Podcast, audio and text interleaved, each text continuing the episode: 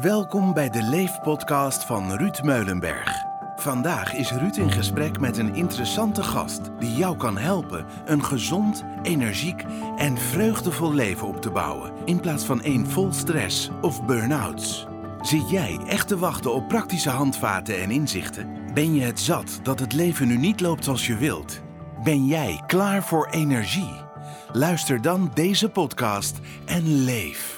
Ja, lieve, lieve luisteraars. Um, vandaag ben ik in gesprek met Maria Boxhoorn. En als je je afvraagt wie is Maria Boxhoorn? Nou ja, Maria Boxhoorn is een uh, specialist op het gebied van autisme. En misschien ken je de naam. Ze heeft het uh, boek geschreven Meer rust en minder stress bij autisme. Wat een, uh, wat een gids is, een praktisch stappenplan voor volwassenen met autisme spectrumstoornissen. Ik ben onwijs blij je te zien, Maria. En ontzettend leuk om samen vandaag in gesprek te gaan. Ik wens je een heel, heel warm welkom. Maar, maar ja, voordat we gaan beginnen, ik heb één ding met je uit te vechten. Uh, we hadden eigenlijk vorige week een afspraak en toen was je ziek. En um, ja, deze vraag zit me toch wel heel erg dwars, Maya. Ik had er best even last van. Betekent dat dan dat ik autisme heb, uh, Maya? Dat die afspraak opeens niet meer doorging? Ja, ik denk het wel. Jij wel. alle gekheid over een stokje. Ik hoor het wel vaker. Dan zeggen mensen van, uh, ja, ik hou ervan als al mijn boeken op kleur staan in mijn boekenkast, ben ik nu autistisch? Nou nee, zo kan je dat natuurlijk niet zeggen. Nee, dan moet er echt wel eventjes wat meer aan de hand zijn op de verschillende levensvlakken voordat je mag zeggen dat je echt uh, autisme hebt. Ja, dat is natuurlijk een hele, hoe zeg je dat, echt een enorm prangende vraag. Hè? Ik, ik, kan me herinneren, een, een serie, de, de dokter is dat geloof ik, hè? Dat, uh, en mensen die zien dan iemand met autisme en dan denken al snel van dat is iemand die achter in het magazijn werkt met een, uh, een, uh, een, koptelefoon op, die alleen maar in zichzelf praat en, en geen sociale contacten kan onderhouden. Klopt dat beeld, Maria, of helemaal niet?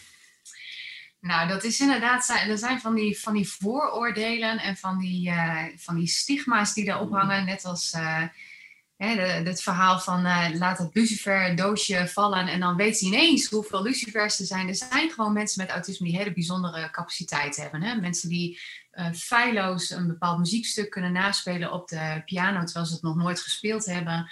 Of uh, die patronen zien in hele ingewikkelde materie. Maar over het algemeen is het zo dat, uh, ja, dat mensen met autisme gewoon, net als jij en ik, gewoon normaal mens zijn. En zo hun, uh, hun specifieke eigenschappen, uh, valkuilen en uitdagingen hebben.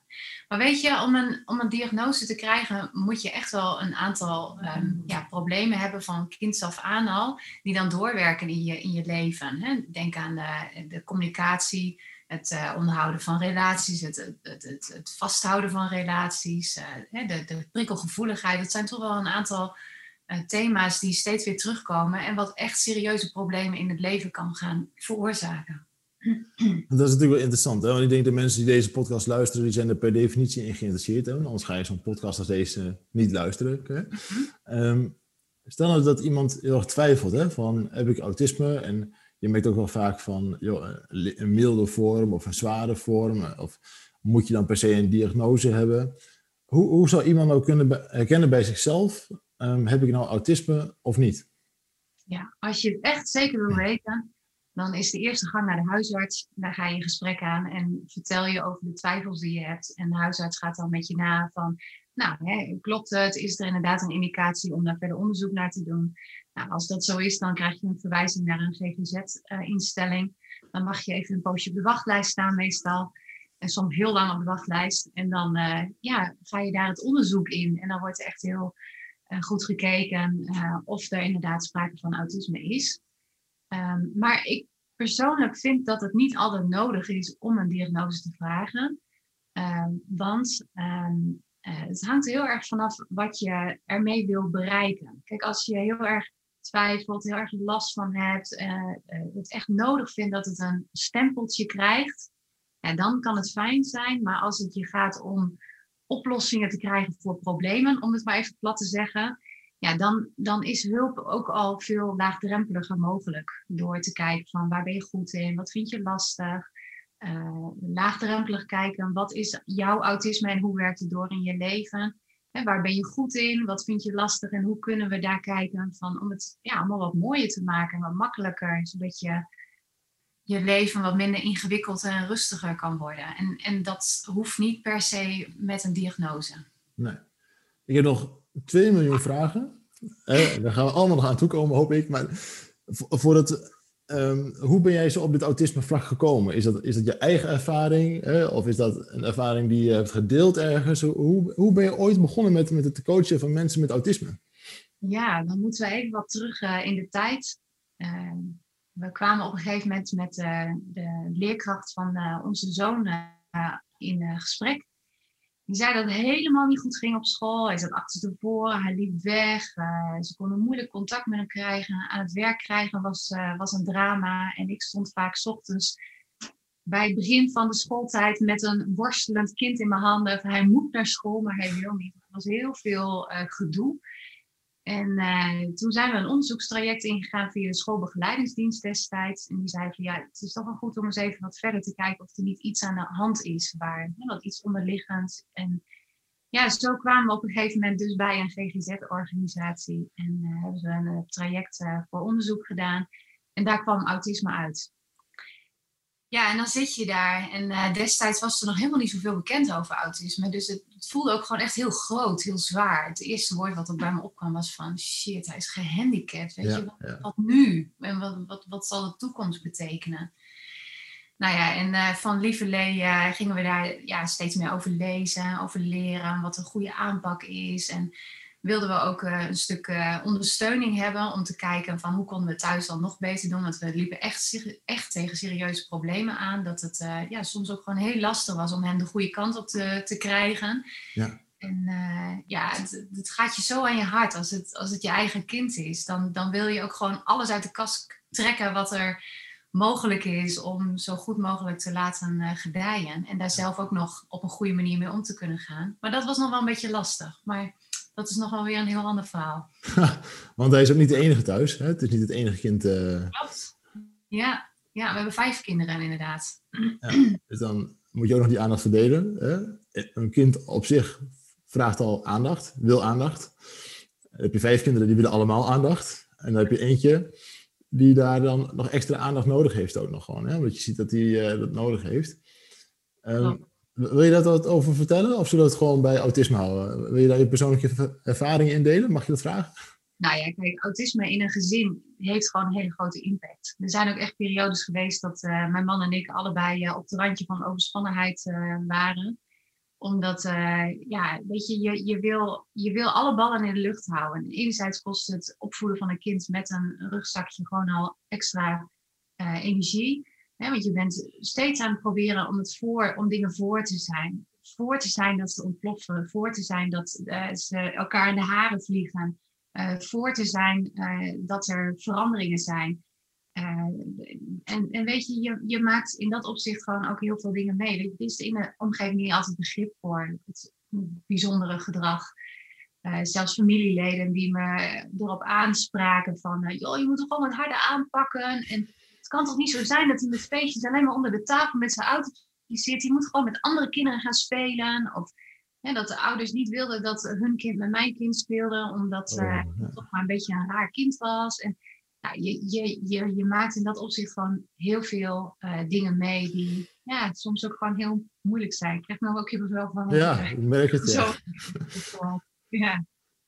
Wauw. Maar hoe, hoe heb je dat gedaan dan? Want ik, ik, ik um ken best wel veel situaties. Hè. We hebben het zelf in ons eigen huisgezin ook meegemaakt. Hè. Een kind met autisme. De, dochter van mijn vrouw. Uh, dus ik snap de situatie. Uh, jij bent expert. wat, wat, hoe heb je dat gedaan, Marja? En hoe doe je dat nog steeds? Hè? Want je, je, zoon is nu uh, 24, hè, vertelde je net. Ja, ja klopt. Hij woont niet meer thuis, geloof ik? Nee, hij woont lekker op zichzelf. Gaat ook hartstikke goed met hem. Hij heeft een uh, relatie en hij is bijna klaar met zijn opleiding. En uh, op zoek naar uh, werk straks. Dus daar zijn we heel dankbaar voor dat het zo gelopen is. Ja. En dat is niet, niet zo van, vanzelf gegaan. Dat, dat hebben we inderdaad wel een hele weg voor afgelegd. maar met succes. En, en dat succes, dat is iets wat ik heel graag wil delen. En dat is ook hetgene ja, wat, wat mij voortdrijft in mijn huidige werk. Ik, ik zijn weet je, mensen met autisme hebben in dat opzicht gewoon net even wat meer ondersteuning nodig, wat specifiekere ondersteuning nodig om goed te kunnen uh, werken. En autisme wordt vaak heel ingewikkeld gemaakt. En toen ik, uh, uh, toen onze zoon nog klein was en nou, dat dat met naschoolsopvang en oppas en dat werkte allemaal niet, dacht ik, weet je, ik, ik moet gewoon voor mezelf gaan beginnen. Want dan, dan heb ik zelf de regie over mijn uren en dan bepaalt mijn baas dat niet. Dus nou ja, ik kwam in aanraking met coaching. Ik denk, wauw, wat een gaaf vak. Dat gaan we doen. En uh, dat gaan we doen. Dus ik ben inderdaad uh, de coachingswereld uh, ingestapt. Destijds was dat allemaal nog heel pril. Hè? Dat, dat, kun je bijna niet voorstellen. Maar destijds waren er nog maar heel weinig coaches.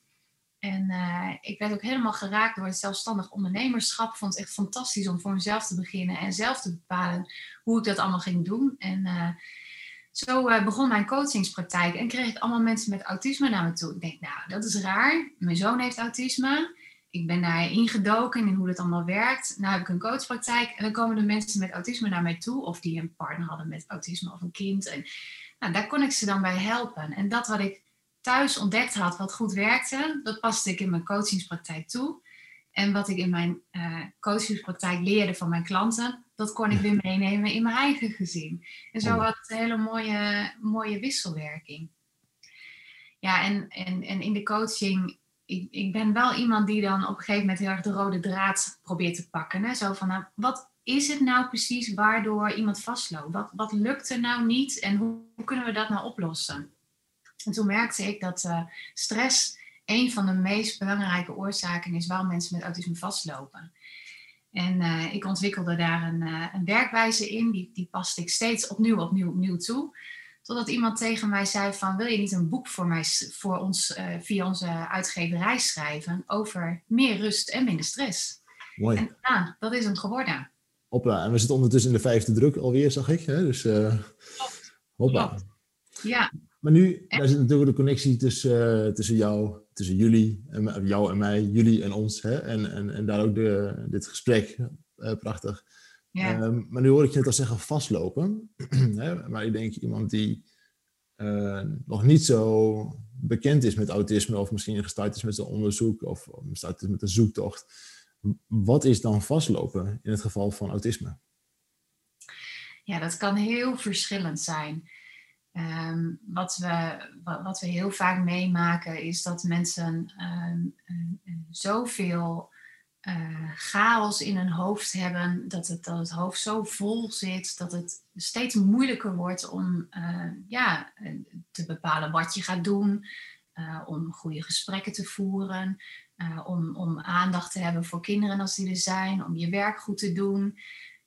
Het kan zelfs zo zijn dat als de stress te hoog oploopt en, en, en dat je misschien wel op een, een burn-out afstevend, dat je steeds, uh, steeds verder terugzakt in, in uitputting, in, in dat je steeds minder tegen geluiden kan of, of, of andere prikkels en altijd het gevoel dat je overbelast bent. En ja, dan, dan, dan kan het zelfs zijn dat simpele handelingen als tanden poetsen, uh, dat, dat dat al niet meer lukt. Of dat, um, uh, hè, dat het niet meer lukt om naar het werk te gaan. Of dat, dat baantjes dan uh, opgezegd worden. Of ontslag dreigt. Of gedoe is in een relatie, omdat er op een gegeven moment ook weinig begrip voor is. Van, nou ja, doe toch eens normaal en ga er eens wat aan doen. En nou, als je dan, hè, dan, dan hoepel je maar op. Weet je, dat, dat soort dingen kom je dan tegen. Tot, tot extreem dat mensen denken aan, uh, aan zelfmoordpogingen, omdat ze gewoon geen uitweg meer zien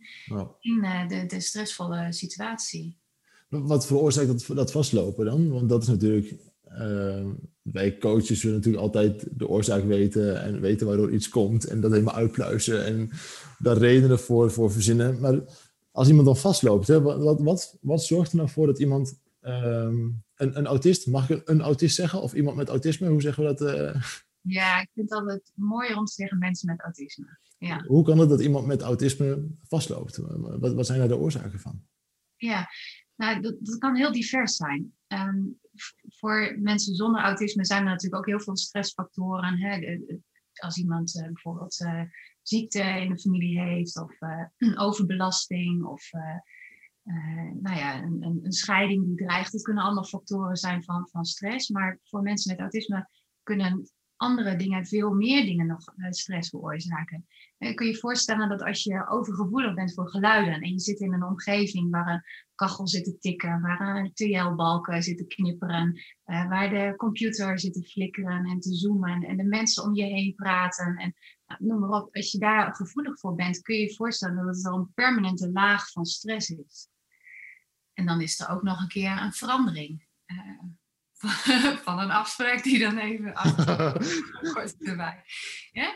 Of uh, uh, er wordt een grapje gemaakt waar je helemaal niks mee kunt en denkt van nou wat bedoelt hij nou? Of uh, dat je gevraagd wordt om over te werken terwijl je helemaal geen energie meer hebt. Nou, dat, dat kunnen zo ontzettend veel verschillende factoren zijn. Ja. Ja. Ik heb ooit eens tegen iemand met autisme gezegd: hey, hallo, je remsporen staan nog in de wc. Het heeft me keihard uitgelachen, omdat één ding zeker was, dat auto's passen niet in de wc. Dus die was, ik bedoelde dat iets anders. En toen, heb, toen heb ik geprobeerd, toen heb ik geleerd hè, om het uh, om iets helderder en duidelijker te communiceren, zeg maar. Weet je wel? Ja, ja, dat is wel iets wat gewoon super belangrijk is voor mensen met autisme. Dat je heel kort, kernachtig en, en duidelijk spreekt. En vooral zegt wat je doet en doet wat je zegt. Ja. ja. ja. En waar komt dan dat, dat repeterende? Of, tenminste, dat is een beeld dat veel mensen hebben, en ik zelf eigenlijk ook wel, hè, dat, dat mensen met autisme graag willen, willen weten waar ze aan toe zijn en, en dan bepaalde herhalingen gaan doen in hun gedrag, hè, bepaalde vaste schema's gaan, gaan hanteren. Waarom is dat zo, zo belangrijk? Het is natuurlijk een van de kenmerken van autisme, hè? dus dat, dat, typeert het natuurlijk ook heel erg. Ehm, het, het heeft iets te maken met een stukje uh, voorspelbaarheid creëren en uh, de, de, wereld duidelijker maken. Dus um, uh, alles wat je, wat je kan doen om duidelijkheid te creëren, dat geeft je veiligheid. Um, stel, iemand komt thuis uit zijn werk, ziet dat de stoelen om de eetkamertafel een beetje rommelig staan. Het eerste wat hij gaat doen is alle stoelen op 10 centimeter afstand van de plint zetten. Want als die stoelen zo staan, dan kan hij tot rust komen, dan kan hij in de kamer zijn en dan, dan voelt het goed. Dan, dan dan is die veiligheid er. Uh, bepaalde uh, patronen in, in, in lopen, dat is iets wat, ja, wat ook rust geeft. En, en, en daar zijn zij voor een groot deel van afhankelijk, van die, die rust genereren. Want als er in dat opzicht rust is, dan kunnen andere dingen weer makkelijker. Maar het kan ook een manier zijn om jezelf gerust te stellen in een uh, wereld die onduidelijk is wat je in het extreme ziet is, is tikken of bepaalde bewegingen uh, doen of uh, met een bepaalde fiets bezig zijn, een bepaalde hobby. Of door daarmee bezig te zijn kun je je afsluiten en kun je in dat stukje kun je proberen te ontspannen en, en tot rust komen. En daar dan ook in verzuipen? Of is het? Afsluiten kan ook. ja. ja en verzuipen door alleen nog maar daarmee bezig te zijn. Ja, ik had een keer een van mijn klanten een uh, opdracht gegeven om iets uit te zoeken. En die ging daar zo ver in door dat hij gewoon een week lang bezig is geweest achter de computer om iets uit te zoeken. Nou, dat was in de beginperiode van de coaching. En uh, toen dacht ik van, oh, interessant is dat, hè? Dus helemaal erin willen duiken, alles willen weten, van de hoed en de rand. Echt, en, maar ook gewoon heel onbegrensd daarin zijn, qua tijd en uh, uh, qua onderwerp. Dus daarin, als je ja, mensen met autisme wil helpen, mag je ook gewoon aangeven tot zover en, en niet verder. of tot zo lang. Ongelooflijk, hè? Maar dat is wel interessant natuurlijk. Want zit er ook nog een verschil tussen mannen en vrouwen dan? Ja, weet je, uh, vroeger zeiden ze altijd dat het uh, vooral mannen zijn die autisme hebben. Dat het extreem mannelijk gedrag is. Maar daar komen ze wel steeds meer van terug. Uh, want er zijn ook uh, zeker veel vrouwen die uh, autisme hebben of zich in autisme herkennen. Alleen bij vrouwen is het wat moeilijker om het te herkennen, om, omdat die veel beter zijn in het camoufleren. Dus zij, eigenlijk zijn meisjes van jongs af aan al aangeleerd zo van, hè, help mij mee in de huishouding of even met de, de, de, de gastvrijheid meehelpen. en dat, dat, dat, dat is een rol die heel erg past bij meisjes, waardoor ze uh, daarin gedwongen zijn en dat ook steeds meer gaan doen. En door af te kijken gaan ze het nadoen, want dan weten ze dat ze minder gedoe hebben. Want als ze zich niet aanpassen, dan ja, word je gepest of afgewezen of dat soort dingen. Maar naarmate ze ouder worden, dan merken ze dat ze daarin steeds meer van zichzelf afraken. Nou, en dan uh, hebben ze het over borderline of over depressie of weet ik veel wat voor andere diagnoses. Ehm, maar daar voelen ze zich eigenlijk helemaal niet uh, in erkend, totdat ze op een gegeven moment met autisme in aanraking komen. En voor heel veel vrouwen ja, is het dan alsof ze uh, thuiskomen. Dat ze zoiets hebben van, ah, dus, dus, dus nu snap ik waar ik al die tijd tegen aangelopen heb. En, en, en ja, dit, dit is gewoon hoe het is bij mij. Ja. Ik heb ook wel gezien uh, dat veel uh, meisjes, vrouwen op een gegeven moment echt in een soort leven zoals het eigenlijk hoort. Hè? Dus masker is dan niet helemaal het goede woord, maar doen, van, dit heb ik gezien in een film of dit heb ik gezien, gelezen in een blad, dat is hoe het hoort. Ja. Als je dan afwijkt van datgene hoe het hoort, dan begint het te schuren. Want dan, dan klopt het opeens niet meer. In hoeverre, in hoeverre herken jij dat? Ja, het is in, in elk traject natuurlijk heel erg maatwerk. Eh, kijken waar iemand tegenaan loopt. En dat maakt autisme ook wel heel erg ingewikkeld. En, en daarom is het ook echt wel een expertise. Uh, omdat je heel erg moet inzoomen op de persoon zelf. En, en, en echt een goed beeld te vormen van wat is het autisme. En wat, wat, wat is nou het onderliggende stressfactor of, of waar loopt het hem op vast? En, en dat kan ja, heel erg zoeken zijn van waar zit het hem in om weer te kijken van hoe kun je iemand weer vlot trekken. Ja, mooi. Ja. Want ze noemen het dan ASS, hè? Autisme Spectrum Stoornis. Uh, is, is het echt een stoornis? Ja, het valt in de, in de DSM, hè? De officiële, het officiële handboek van, van psychiatrie. Dus het is uh, een ontwikkelingsstoornis en wordt ook wel getypeerd als informatieverwerkingsstoornis. Ja, dus informatie komt gefragmenteerd binnen en het, is, het duurt soms langer of het, lukt niet om het plaatje compleet te krijgen, waardoor informatie ja, verstoord of, of anders binnenkomt. En, en daar kan heel veel miscommunicatie uit voortkomen, onbegrip. Kun je dat eens duiden? Want hoe, hoe, hoe werkt dat bij een ja, nou gaan we een beetje chargeren. Hoe weet het bij een normaal mens? Wat is normaal? Hè? Maar hoe weet het bij iemand die geen autisme heeft ten opzichte van iemand die, die wel autisme heeft? Ja, ik vergelijk dat wel eens met top-down en bottom-up denken. Hè? Door de bomen het bos niet meer zien, zo'n mooie uitspraak. Maar veel mensen zonder autisme zijn top-down denkers. Dus die, die zien het geheel. En die, als er dan bepaalde stukjes gemist worden, dan maakt dat niet heel veel uit. Want door, door het overzicht kun je er wel betekenis aan geven en kun je wel door. Terwijl mensen met autisme zijn veel meer bottom-up denkers. Dus die gaan eerst alle details proberen bij elkaar te rapen. Maar als ze dan één of twee details missen, die, die, die zijn er niet, dan, dan kunnen ze niet verder. Dan blijven ze daarop hangen. Ik zeg niet dat het altijd zo is, hè, want ook daarin heb je weer verschillende typeringen van het, van het autisme. Maar er zijn heel veel mensen met autisme die dat dan lastig vinden om door te gaan als ze nog niet alle details hebben waardoor ze het één geheel kunnen krijgen. Interessant, hè? want je had het even over die typeringen van dat autisme. Wat, wat voor typeringen autisme hebben we dan? Hè? Wat, waar, waar, hebben we het dan eigenlijk over?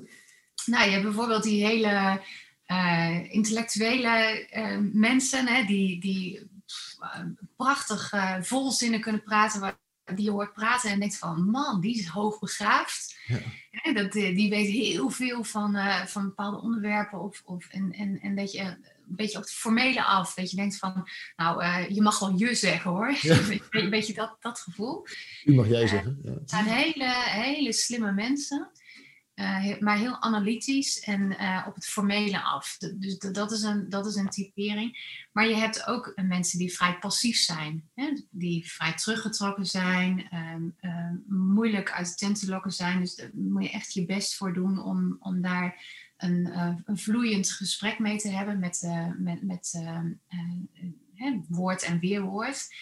Um, die moeilijk in beweging zijn te krijgen. En dan heb je nog een, een, een groep mensen dat noem je de active en old.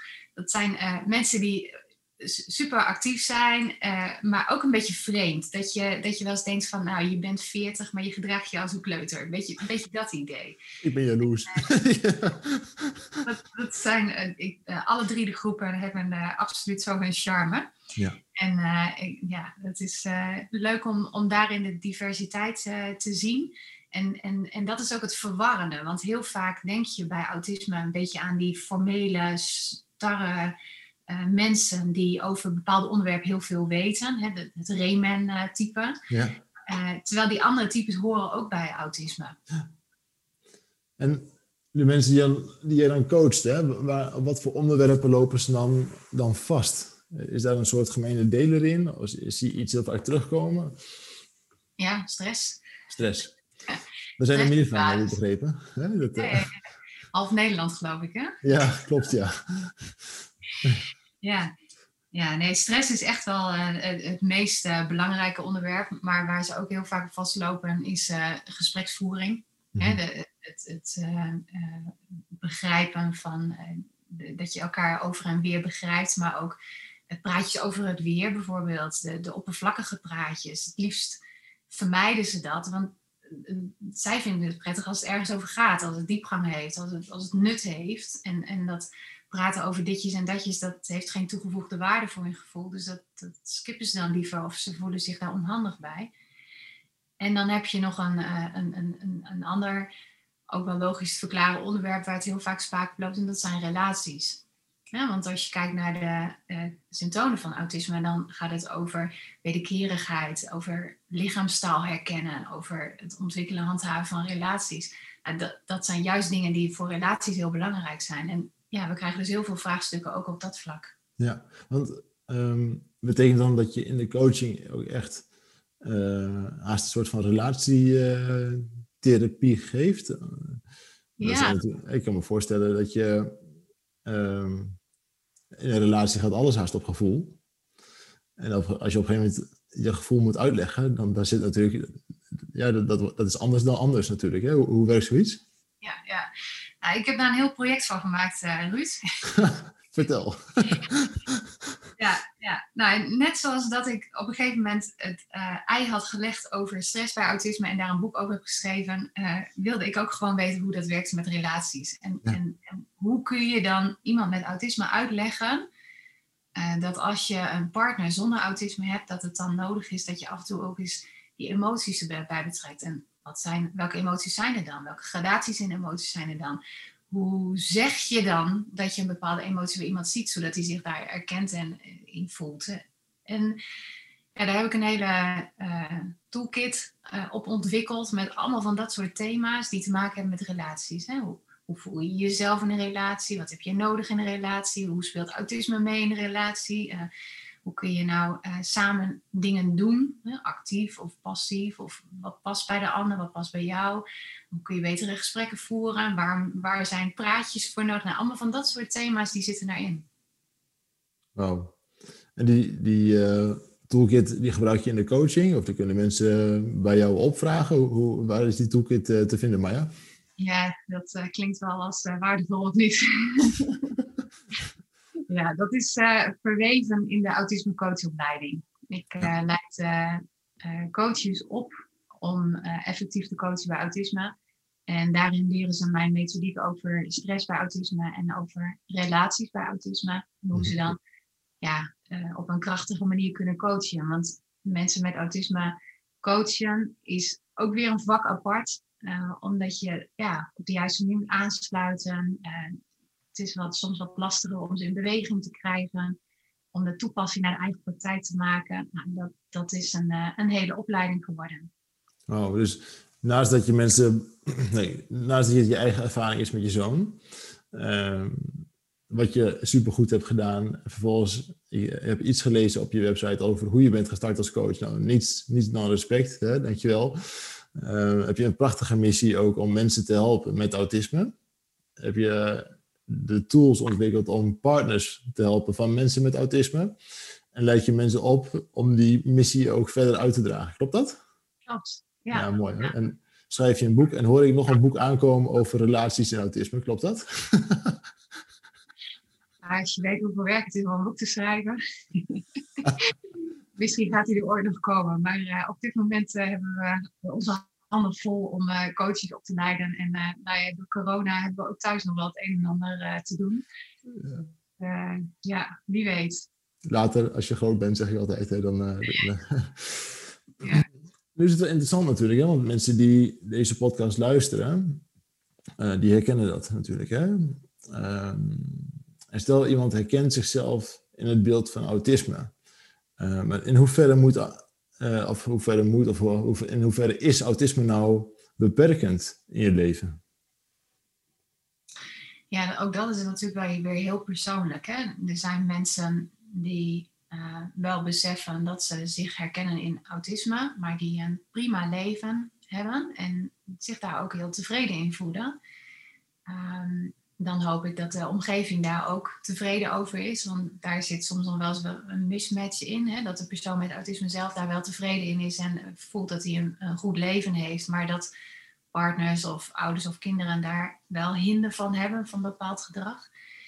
Ehm, maar weet je, ehm, ook met autisme kun je prima leven. Uh, alleen net als bij iedereen zullen er ook bepaalde aspecten heel lastig zijn. En voor sommigen zijn die dingen heel erg lastig. Ik bedoel, er zijn ook mensen met autisme die uh, heel veel hulp nodig hebben en veel begeleiding nodig hebben om zich staande te kunnen houden in deze wereld en deze maatschappij. En er zijn ook mensen die met een beetje ondersteuning zichzelf beter leren kennen, handvatten krijgen en daarmee zelf weer verder kunnen. Of die ja, levenslang een, een, een hulplijntje nodig hebben. Dus daar zit ook weer heel veel variatie in. Ja, ik, ik hoorde ooit een moeder eh, met een zoon met autisme, um, die haar zoon in de buurt super tegenkwam. Um, en dan haar zoon liep haar straal voorbij. Hè. Toen zei de buurvrouw die er ook was van, joh, wat is dit voor een raar gedoe? Uh, maar voor haar zoon is de buurt super, daar doet hij zijn boodschappen en daar hoort zijn moeder niet te zijn. Hè, dus daar, zij snapte dat. En, en ze houdt van haar zoon, dus ze snapt dat. Hè. Maar die zoon heeft op een gegeven moment geleerd van, nou goed, weet je, als je in de buurt super je moeder tegenkomt, is het wel leuk om even hallo te zeggen of je moeder even een knuffel te geven, weet je wel. Um, maar ik kan me ook voorstellen dat voor mensen zonder autisme is dat normaal. Maar als dat niet normaal is, op een gegeven moment ga je juist herijken van wat, wat is dan normaal? Hè? En, en, misschien moet je dat ook gewoon eens loslaten en kijken van nou oké, met z'n allen proberen we dit een soort van leefbare situatie te maken. En zo op deze manier zijn we allemaal gewoon wel, best wel een beetje gelukkig. Er zijn natuurlijk heel veel ongeschreven regels in, uh, in, in, onze, in onze maatschappij. Hè? over, nou ja, die dan nu soms op losse, losse schroeven komen te staan. Maar een hand geven, of wel of niet een knuffel geven, wel of niet hallo zeggen. Uh, hoe lang moet je met iemand praten? Wat als iemand verdrietig is, hoe lang moet je die dan knuffelen? Er zijn gewoon heel veel ongeschreven dingen. Als je dat intuïtief niet aanvoelt en als je daar niet ja, voor jezelf een, een, een, een format voor hebt uh, aangereikt gekregen of geleerd hebt of, of ontdekt hebt, en dan kan, kunnen dat soort dingen allemaal heel erg lastig zijn. En um, Kijk, de meeste mensen leren in de loop van hun leven steeds meer over die ongeschreven regels, waardoor ze duidelijker worden. Maar ja, soms dan is het ook wel een beetje absurd. Dan denk je van, waarom hebben we eigenlijk zoveel hoge verwachtingen van anderen? Waarom, waarom is het zo belangrijk dat we elkaar aankijken? Als het mij te veel prikkels geeft en als ik daarvan in de war raak, uh, waarom mag ik dan niet eventjes uh, nou ja, naar je voorhoofd kijken of ja. en kijken naar je mooie boekenkast? Of, uh, of de andere kant op. ja. ja. als het maakt dat we beter met elkaar kunnen praten, laten we dan respect voor elkaar hebben en, en, en elkaar daarin accepteren. Ik denk dat dat echt wel wat meer uitvergroot mag worden. Ja. Ik vertel je net ook hè, dat ik ooit eens een managementassistent heb gehad die autisme had. Dus het grappige is dat autisme ergens in mijn leven ik herken mezelf er totaal niet in. Hè, maar ik denk dat ik juist aan de andere kant van zo'n spectrum zit. Maar daarover straks wat meer misschien. Maar um, een collega heb gehad die uh, autisme had. En voor mij een waanzinnig goede aanvulling had. En die was af en toe gewoon heel moe van een gesprek. En dan draaide hij zich om en liep hij weg. En ik merkte aan mezelf wel eens van shit, ik ben er best wel een beetje jaloers op eigenlijk. Want ik ben ook wel eens moe van een gesprek, maar het lef hebben om, het om dan gewoon weg te lopen van, joh, ik heb hier geen zin meer in. Dat zou ik niet zo snel doen, weet je wel. Hè? Dus um, ja, in die zin was hij altijd wel een beetje jaloers op. En um, hij kon dan echt gewoon weglopen en zeggen, joh, ik heb hier geen zin meer in. Dus um, ja, in die zin, uh, ja. Soms een beetje onaangepaste gedrag waar ze dan ook wel op afgewezen kunnen worden. Hè? Ja. Je kunt er ook jaloers op zijn, maar aan de andere kant kan het ook best wel problemen opleveren natuurlijk. Ja, als dat, ja. Dat kan ik me voorstellen, ja. En, en hoe zit het met, met, met partners dan? Hè? Want is een partner met, met iemand met autisme, man, vrouw, hè? Dat, dat maakt even niet uit. Ehm, stel je herkent het bij je partner. Hè? Wat, wat ga je dan doen? Ja, voor sommigen is dat heel lastig. Als, als degene met autisme daar zelf niet mee bezig is of eigenlijk niets wil, mee wil, ja, van wil weten, dan kan het wel echt wel heel erg lastig zijn. Nou zijn er gelukkig ook uh, steeds meer uh, informatie beschikbaar op, op internet of op documentaires of op films, hè, waar autisme een rol in speelt. Dus autisme wordt wel steeds bekender, waardoor de ingangen soms wel wat laagdrempeliger kunnen zijn.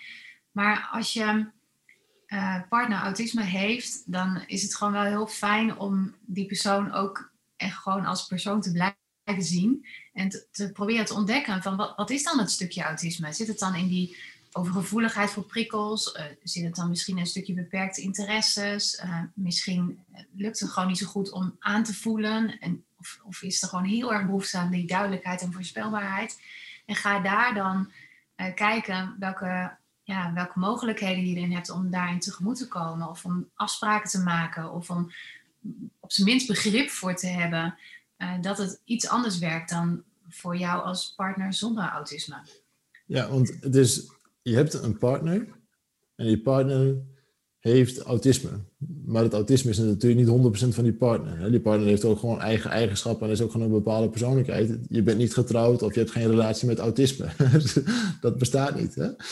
Ehm, maar er zit natuurlijk, aan het autisme zit natuurlijk ook gewoon een hele mooie kant. Hè? Wat, wat is nou echt, echt een kracht van iemand met autisme? Nou, dat is, dat, ook dat is weer gewoon heel persoonsafhankelijk. Hè? Want dus je, we hadden het net al eventjes over uh, als je een, een lucifer doosje laat vallen, hè, het Rayman uh, effect van dat je dan weet hoeveel lucifers erin zitten. Ja, dat, dat is niet wat iedereen met autisme heeft. Dat beeld dat is echt gewoon, gewoon niet waar. Uh, maar mensen met autisme kunnen vaak wel heel goed details opmerken. Dus als er iets veranderd is, dan zien ze dat. Um, uh, ze hebben vaak een heel goed geheugen voor feiten. Dus als jij iets gezegd hebt, dan onthouden ze dat en dan zullen ze je daar later ook nog eens naar vragen. Um, er zijn ook mensen met autisme die super creatief zijn, die heel goed zijn in out of the box denken. Uh, of die uh, kunstenaars zijn, die prachtige dingen maken, die een heel goed gehoor hebben. Dus echt heel goed toonhoogtes bijvoorbeeld kunnen pakken. Of uh, die, die verbaal heel sterk zijn en jou gewoon plat onder de, onder de tafel praten met hun discussies. Ja, dus, dus dat zijn zo een paar talenten van me, mensen met autisme die, nou ja, die wat bekender zijn. Maar ja, dat, dat kan voor iedereen wel anders zijn. Ja, dus als ik het goed begrijp, uh, iedereen met autisme is gewoon zijn eigen persoonlijkheid zoals iedereen het heeft. Alleen is de verwerking van informatie is anders waardoor alles eigenlijk in een soort vast, uh, vast patroon wordt gegoten. Dus dat het niet heet dat die informatie verwerkt hoeft te worden, dat het gewoon een soort vast gegeven is. Uh, ik denk niet dat je het zo stellig kan zeggen. Um, de, de informatie wordt op een andere manier verwerkt, waardoor de output anders kan zijn dan voor mensen zonder autisme. En uh, dat nou ja, waar we het net al even over hadden, dat kan zijn omdat er een detail mist of omdat er een andere koppeling wordt gemaakt. Uh, dat het toch iets heel anders blijkt te zijn. Hè. We, hebben het over uh, een, een, boek en al, uh, hoe heet het, al associërend komen we erop uit dat we het ineens over een caravan hebben. Noem maar wat. Dan kan de output gewoon heel anders zijn, terwijl we het eigenlijk over een boek hadden. Ja. Blijft interessant, hè? Want kun je dan iemand meldt zich op een gegeven moment bij jullie aan. Hè? Die um, zegt, nou ja, ik herken dit. Hè? Natuurlijk naar aanleiding van, uh, van deze podcast. Maar um, die op een gegeven moment zegt van, ik herken heel erg wat ze, wat ze zegt. Hè? En, uh, of mijn, ik herken mijn partner heel erg. En op een gegeven moment meldt iemand zich bij jullie aan. Wat gaat er dan gebeuren? Met, uh, kun je eens een, een soort rode lijn vertellen hoe je dan mensen gaat begeleiden met, met autisme? Ja, kijk, um, als iemand met, uh, die zich herkent in autisme, wel of niet een diagnose, maar die wil in ieder geval daar, daar meer over weten. Heel vaak uh, ja, is er dan een, uh, een eerst een, kennismakingsgesprek met een, met een coach, waarin je samen gaat kijken van nou, vertel eens over jezelf en waar loop je tegenaan en wat wil je graag bereiken. we merken dan vaak dat het eerst belangrijk is om meer zicht te krijgen op wat is het autisme. Zodat, zodat je echt kunt, meer zelfinzicht kunt krijgen. En dat, en dat is gewoon super belangrijk, want hoe beter je jezelf kent, hoe beter je jezelf ook staande kunt houden in de omgeving. Hè? Dat is de, die, die autonomie die we graag willen hebben. Van daaruit ehm, gaan we vaak aan de slag met een stukje stresshantering, omdat stress zo'n groot item is voor vrijwel iedereen met autisme, dat je goed weet waar je autisme, waar de stress vandaan komt, waar, welke signalen je het kan herkennen, maar ook wat je kan doen om weer meer rust in je hoofd te krijgen. En wat we dan vaak merken is dat als er meer rust in het hoofd is, dan is er ook weer meer ruimte om andere dingen te ontdekken. En dan is oh oké, dus, dus ik kan meer rust in mijn leven krijgen. Oh, nou, dan, dan kan ik ook vast betere gesprekken voeren. Want ik wil eigenlijk wel graag op het werk of thuis of, of met, met verjaardagen of, of wat dan ook maar met de buurvrouw wel op een makkelijkere manier gesprekken voeren. Dat ik niet me om hoef te draaien en weg hoef te lopen bij een gesprek. Maar dat ik daar gewoon in kan zijn en, en, en me daar ook gewoon goed in kan voelen. Ja, en dan, en dan relaties, hè? Om, om een goede partnerrelatie te onderhouden, of, of de relatie met kinderen, of, of met collega's of vrienden uh, verder te ontwikkelen. Omdat ze daar vaak wel heel erg behoefte aan hebben, om die goede connectie te hebben. Maar dat er vaak een aantal dingen in zitten die gewoon heel lastig zijn en die, ja, die gewoon moeilijk zijn. Maar ja, als je eenmaal weet dat er veel mogelijkheden zijn en dat een specialistische aanpak werkt, ja, dan is de sky the limit. Ik zie je ook helemaal open gaan als je denkt aan de, de resultaten van zo'n traject. Hè? Dat, uh... ja. Maar wat, wat is nou. Ik denk dat in zekere zin iedereen wel wat herkent in, in autistische eigenschappen. Ik hou zelf van als ik iets plan. Het was natuurlijk een grap hoor. Hè? Je was vorige week was je ziek. Hè? En dan denk je van, ah, is ziek. Weet je wel? Maar als iemand zomaar zijn afspraak vergeet, dan kan je daar ook gewoon goed zagrijnig om zijn. Dat is gewoon mijn planning en ik, ik neem me dat voor. Um, maar ik ben er vrij zeker van, ik heb geen autisme. Uh, wanneer spreek je nou eigenlijk dan van autisme en wanneer niet? Ja, dan moeten dus echt al vanaf de kindertijd moeten er al dingen aan de orde zijn geweest waar je dat beeld van autisme dan aan kan herkennen. En dan moeten er echt op verschillende vlakken, zoals in de wederkerigheid, in de non-verbale communicatie, in, die, in het ontwikkelen en handhaven van relaties, in de voorspelbaarheid, in de stereotype gedrag, in de beperkte interesses, in die overgevoeligheid, in de sensorische over- en ondergevoeligheid. Je moet echt in die symptomen moeten een heel aantal criteria's gewoon duidelijk aanwezig zijn. Nu, maar vroeger ook. En uh, daar kunnen ze dan, hebben ze nu verdeeld uh, in uh, matig autisme tot zwaar autisme. Dus alles heet autisme. En op basis daarvan ja, krijg je een, een, een, een labeltje, om het maar zo te zeggen. Heeft dat antwoord op jouw vraag? Ja, want wij eigenlijk wel afvragen van, oké, iemand die zich dan heel erg herkent in dat patroon, um, en in die geschiedenis en in de klachten waar je op dit moment tegenaan loopt, hè, of dat nu even een man of een vrouw is, wat, wat, kan iemand dan op dit moment zelf doen? Hè? Want dat is natuurlijk wel graag met deze podcast naartoe willen dat iemand kan leven, in plaats van dat we alleen maar bezig zijn met iets op te lossen, maar dat ook naar de toekomst toe kunnen uh, zeggen van hoe kunnen we dan leven, in plaats van alleen maar dingen van, van min 1 naar 0, hè, iets, oplossen, dat ook naar, van 0 naar plus 1 kunnen, om, om gewoon van de dag te genieten. Wat, wat, wat kan iemand met autisme nou, nou gaan doen? Ja, nou, wat, wat ik denk dat gewoon super, super belangrijk is, is dat je echt naar jezelf gaat kijken en naar de mensen die belangrijk voor je zijn. Hoe je het jezelf en je omgeving makkelijker kan maken door ook jezelf te mogen zijn.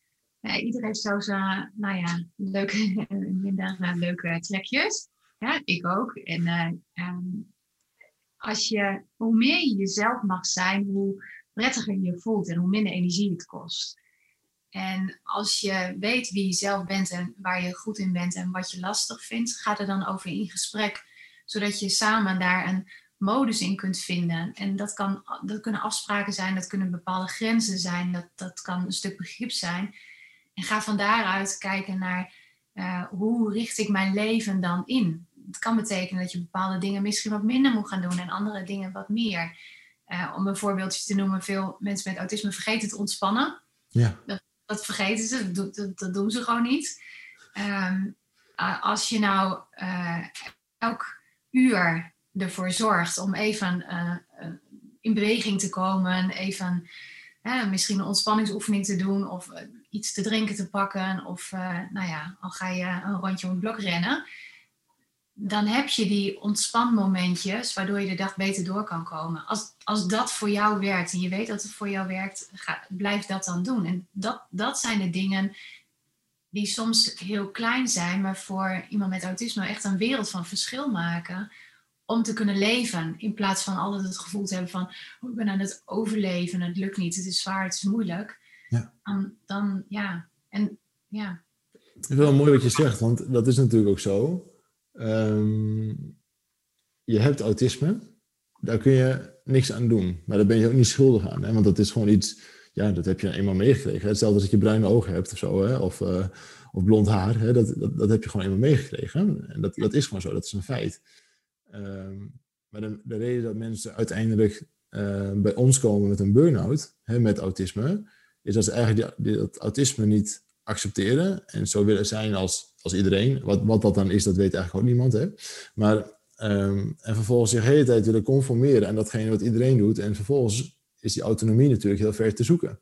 Ja. Um, nu is het ook zo dat veel meer mensen eigenlijk elke uur even een blokje om zouden moeten gaan. Hè? Dat zou voor, voor veel meer mensen heel gezond zijn. Um, maar dat autisme omarmen, van, joh, dat is nou eenmaal zo. En dit is wie ik ben. En gewoon ik ben daar gewoon ook gewoon trots op met autisme. Hè? Call me crazy, maar dit ben ik. en, eh, ja, ik loop elke, elke tien minuten of elke uur even tien minuten een, eh, blokje om en uh, dat werkt voor mij, punt. Ja, als je zo, zo kan leven, en weet je, ik denk dat dat ten diepste is waar we allemaal behoefte aan hebben, dat we onszelf kunnen zijn en dat we aangesproken worden op onze goede kanten. Um, want want daar, daar voel je je gewoon veel gelukkiger door. Um, en, en als je uh, je eigen handleiding daarin hebt ontdekt, of je nou wel of niet autisme hebt, dan is dat gewoon heel waardevol en, en belangrijk om, om je leven te leven. Ja. Zoals je graag wil. Maar dat vraagt soms ook keuzes die niet altijd makkelijk zijn. En waar je dan ook echt voor mag gaan staan. En dat, en dat is de, de zoektocht en soms ook de vechtpartij om daarachter te komen van welke keuzes kun je maken. Sommigen zitten ook in situaties waarin je keuze niet kan maken. Als je een druk gezin hebt en dat er veel van je verlangd wordt en ballen allemaal in de lucht te, te houden. Ja, dan, dan zal het soms heel erg maatwerk zijn om te kijken van oké, en waar kun je dan die rustmomentjes pakken? Waar heb je die schakelmomenten? Of um, uh, wat heb je dan misschien aan, extra ondersteuning nodig? Of, heb je misschien uh, dingen die je kunt skippen? Of waar je af en toe eens eventjes naartoe kan gaan om te relaxen? Of, dat, dat, dat is heel erg kijken naar de persoon en, en, en wat daarin de behoeftes en de mogelijkheden zijn. Ja, voor de mensen die autisme hebben en dit horen, de geruststelling dat dit mijn dagelijks werk is. Ja, ook voor mensen met zonder autisme. Hè? uh, continu zoeken naar rustmomenten. En dat zou dan voor mensen met autisme nog iets meer gelden misschien. Maar uiteindelijk geldt dat voor iedereen dat dat, dat waanzinnig lastig kan zijn. Um, maar als je daar zelf, moet je daar aan het stuur gaan staan. Want als jij geen keuze maakt, dan doet een ander dat wel voor je. Uh, maar wanneer komt nou dat moment, Maya, dat, dat mensen echt, echt hulp moeten gaan zoeken? dat ze echt, uh, wat is je website ook alweer, Maya? Autismecoach.nl wat is nou het moment dat mensen autismecoach.nl moeten gaan bezoeken en zo snel mogelijk zo'n contactformulier moeten in, invullen? Als je echt het gevoel hebt van uh, ik, ik wil gewoon meer rust in mijn leven hebben. Ik wil uh, kijken welke mogelijkheden ik nog meer heb om mezelf te ontwikkelen. En ik wil loskomen van een, een stuk uh, stress of ongemak of, of, of chaos waar ik mij niet blij mee voel. Of ik wil vooruitkomen in mijn werk, maar loop tegen bepaalde dingen aan. Ja, dat, dat, dan zijn een team van landelijk werkende autismecoaches die je daarbij kunnen ondersteunen. Wat dat betreft zijn er best wel wat raakvlakken uh, tussen jou, uh, Ruud, met Meulenberg in, in het opzicht van burn-out. En, en autismecoach die een landelijk netwerk met autismecoaches heeft. Ja. Dus ja, dat zijn zeker aanleidingen om contact op te nemen. En hoeveel coaches zitten er landelijk? Inmiddels zitten we op een club van zo'n 40 mensen. Wauw, 40 mensen die gespecialiseerd zijn in, in autisme. Ja. Um, en hoe werkt het dan? Hè? Want iemand die vult een, een contactformulier bij jullie in. En ik kan me voorstellen dat iemand met autisme graag zou willen weten hoe het dan, dan verder gaat, hè, om een stukje duidelijkheid te creëren. Ja, ja, ja. ja. Nou, dan, uh, dan komt er een, uh, een, een, mail bij ons binnen hè, en daar gaan we op reageren en door even te vragen van, nou, hè, waar, waar woon je, zodat we kunnen koppelen aan een eh, coach in de omgeving met de juiste expertise. En dan gaat die coach, die krijgt contactgegevens ook. En dan zorgen we ervoor dat zij contact met elkaar kunnen opnemen. Dat de coach de gegevens van de coach heeft. En dat zij een oriënterend gesprek met elkaar kunnen voeren om te bespreken waar de vraagstukken liggen. En dan wordt er een voorstel gedaan wat voor soort trajecten en wat de kosten zijn en hoe het in het werk gaat. En, en noem maar op. En dan kan er gestart worden. Hoppa, zo makkelijk kan het zijn. Hè? Maar eigenlijk in zo'n oriënterend gesprek is het natuurlijk ook heel fijn om in eerste instantie te kijken van wat is nou je situatie, wat kun je daarin doen, waar loop je eigenlijk tegenaan. Ik, ik weet, ehm, bij ons in ons geval, mensen komen binnen met stress Um, en die zeggen van, uh, de vraag was van, hebben we dan meer lichamelijke klachten? Uh, en zei, ja, ik heb ook rugpijn en hoofdpijn, maar ja, dat, is, uh, dat, is gewoon zo. Um, daar, is, ik ben honderdduizend keer naar de dokter geweest, maar dat, daar is geen oorzaak voor. En heel toevallig, maar na het traject is het wel over. Dus het zou, het zou best dus kunnen zijn dat, het, dat er ergens iets van een relatie zit. Hè? Maar vaak, wat ik daarmee bedoel te zeggen, is op het moment dat je erin gaat duiken en, en dat je erachter komt van, hey, en dat het een feest van herkenning wordt, uh, waar, daar, waar je dan tenminste verder kunt. Hè? Dat je ook een soort ja, afzetplankjes hebt om, om naar boven toe, toe te klimmen. Ja, en, en wat ik zelf ervaren heb, want wij zijn ook door diepe dalen heen gegaan, uh, dat ik ook op een gegeven moment echt uh, tegen een burn-out aanzat. Je, op het moment dat je heel diep geweest bent, dan heb je daar een, gevoeligheid voor ontwikkeld die je de rest van je leven meeneemt. En dat, er, dat je ook daar uh, gevoeliger voor wordt in de zin van, hé, hey, ik raak nu een grens waarin ik gewoon heel erg moet oppassen. Want als ik nu te ver ga, dan uh, beland ik weer zo ver en dat wil ik niet. En daarmee de vaardigheden die je leert om stress te verminderen, neem je de rest van je leven mee. En de, ja, ik denk daar zelf wel eens aan zo van uh, als je uh, achteraf terugkijkt naar bepaalde periodes, nee, had ik dat nou maar eerder geweten. En, en, en dat zou ik zo graag voor willen zijn. Ik denk van, weet je, eigenlijk zou gewoon iedereen, wel of niet autisme, maar specifiek mensen met autisme, zou je een bepaalde basisvaardigheden mee willen geven om mooier en makkelijker te leven. En, en dat, dat in de basis is dat, dat je weet wat je autisme is, dat je daar grip op hebt en dat je weet hoe stress werkt en dat je vaardigheden hebt om relaties te onderhouden. En, dat is gewoon mogelijk. Ja, dus um, en dat geldt voor jou, dat geldt voor ons, um, dat over het algemeen trekt iemand te laat aan de bel. Hè? Mensen blijven eigenlijk eh, heel vaak eh, zelf het wiel uitvinden uh, om er vervolgens achter te komen dat het wiel al lang uitgevonden is en dat je zo had kunnen monteren.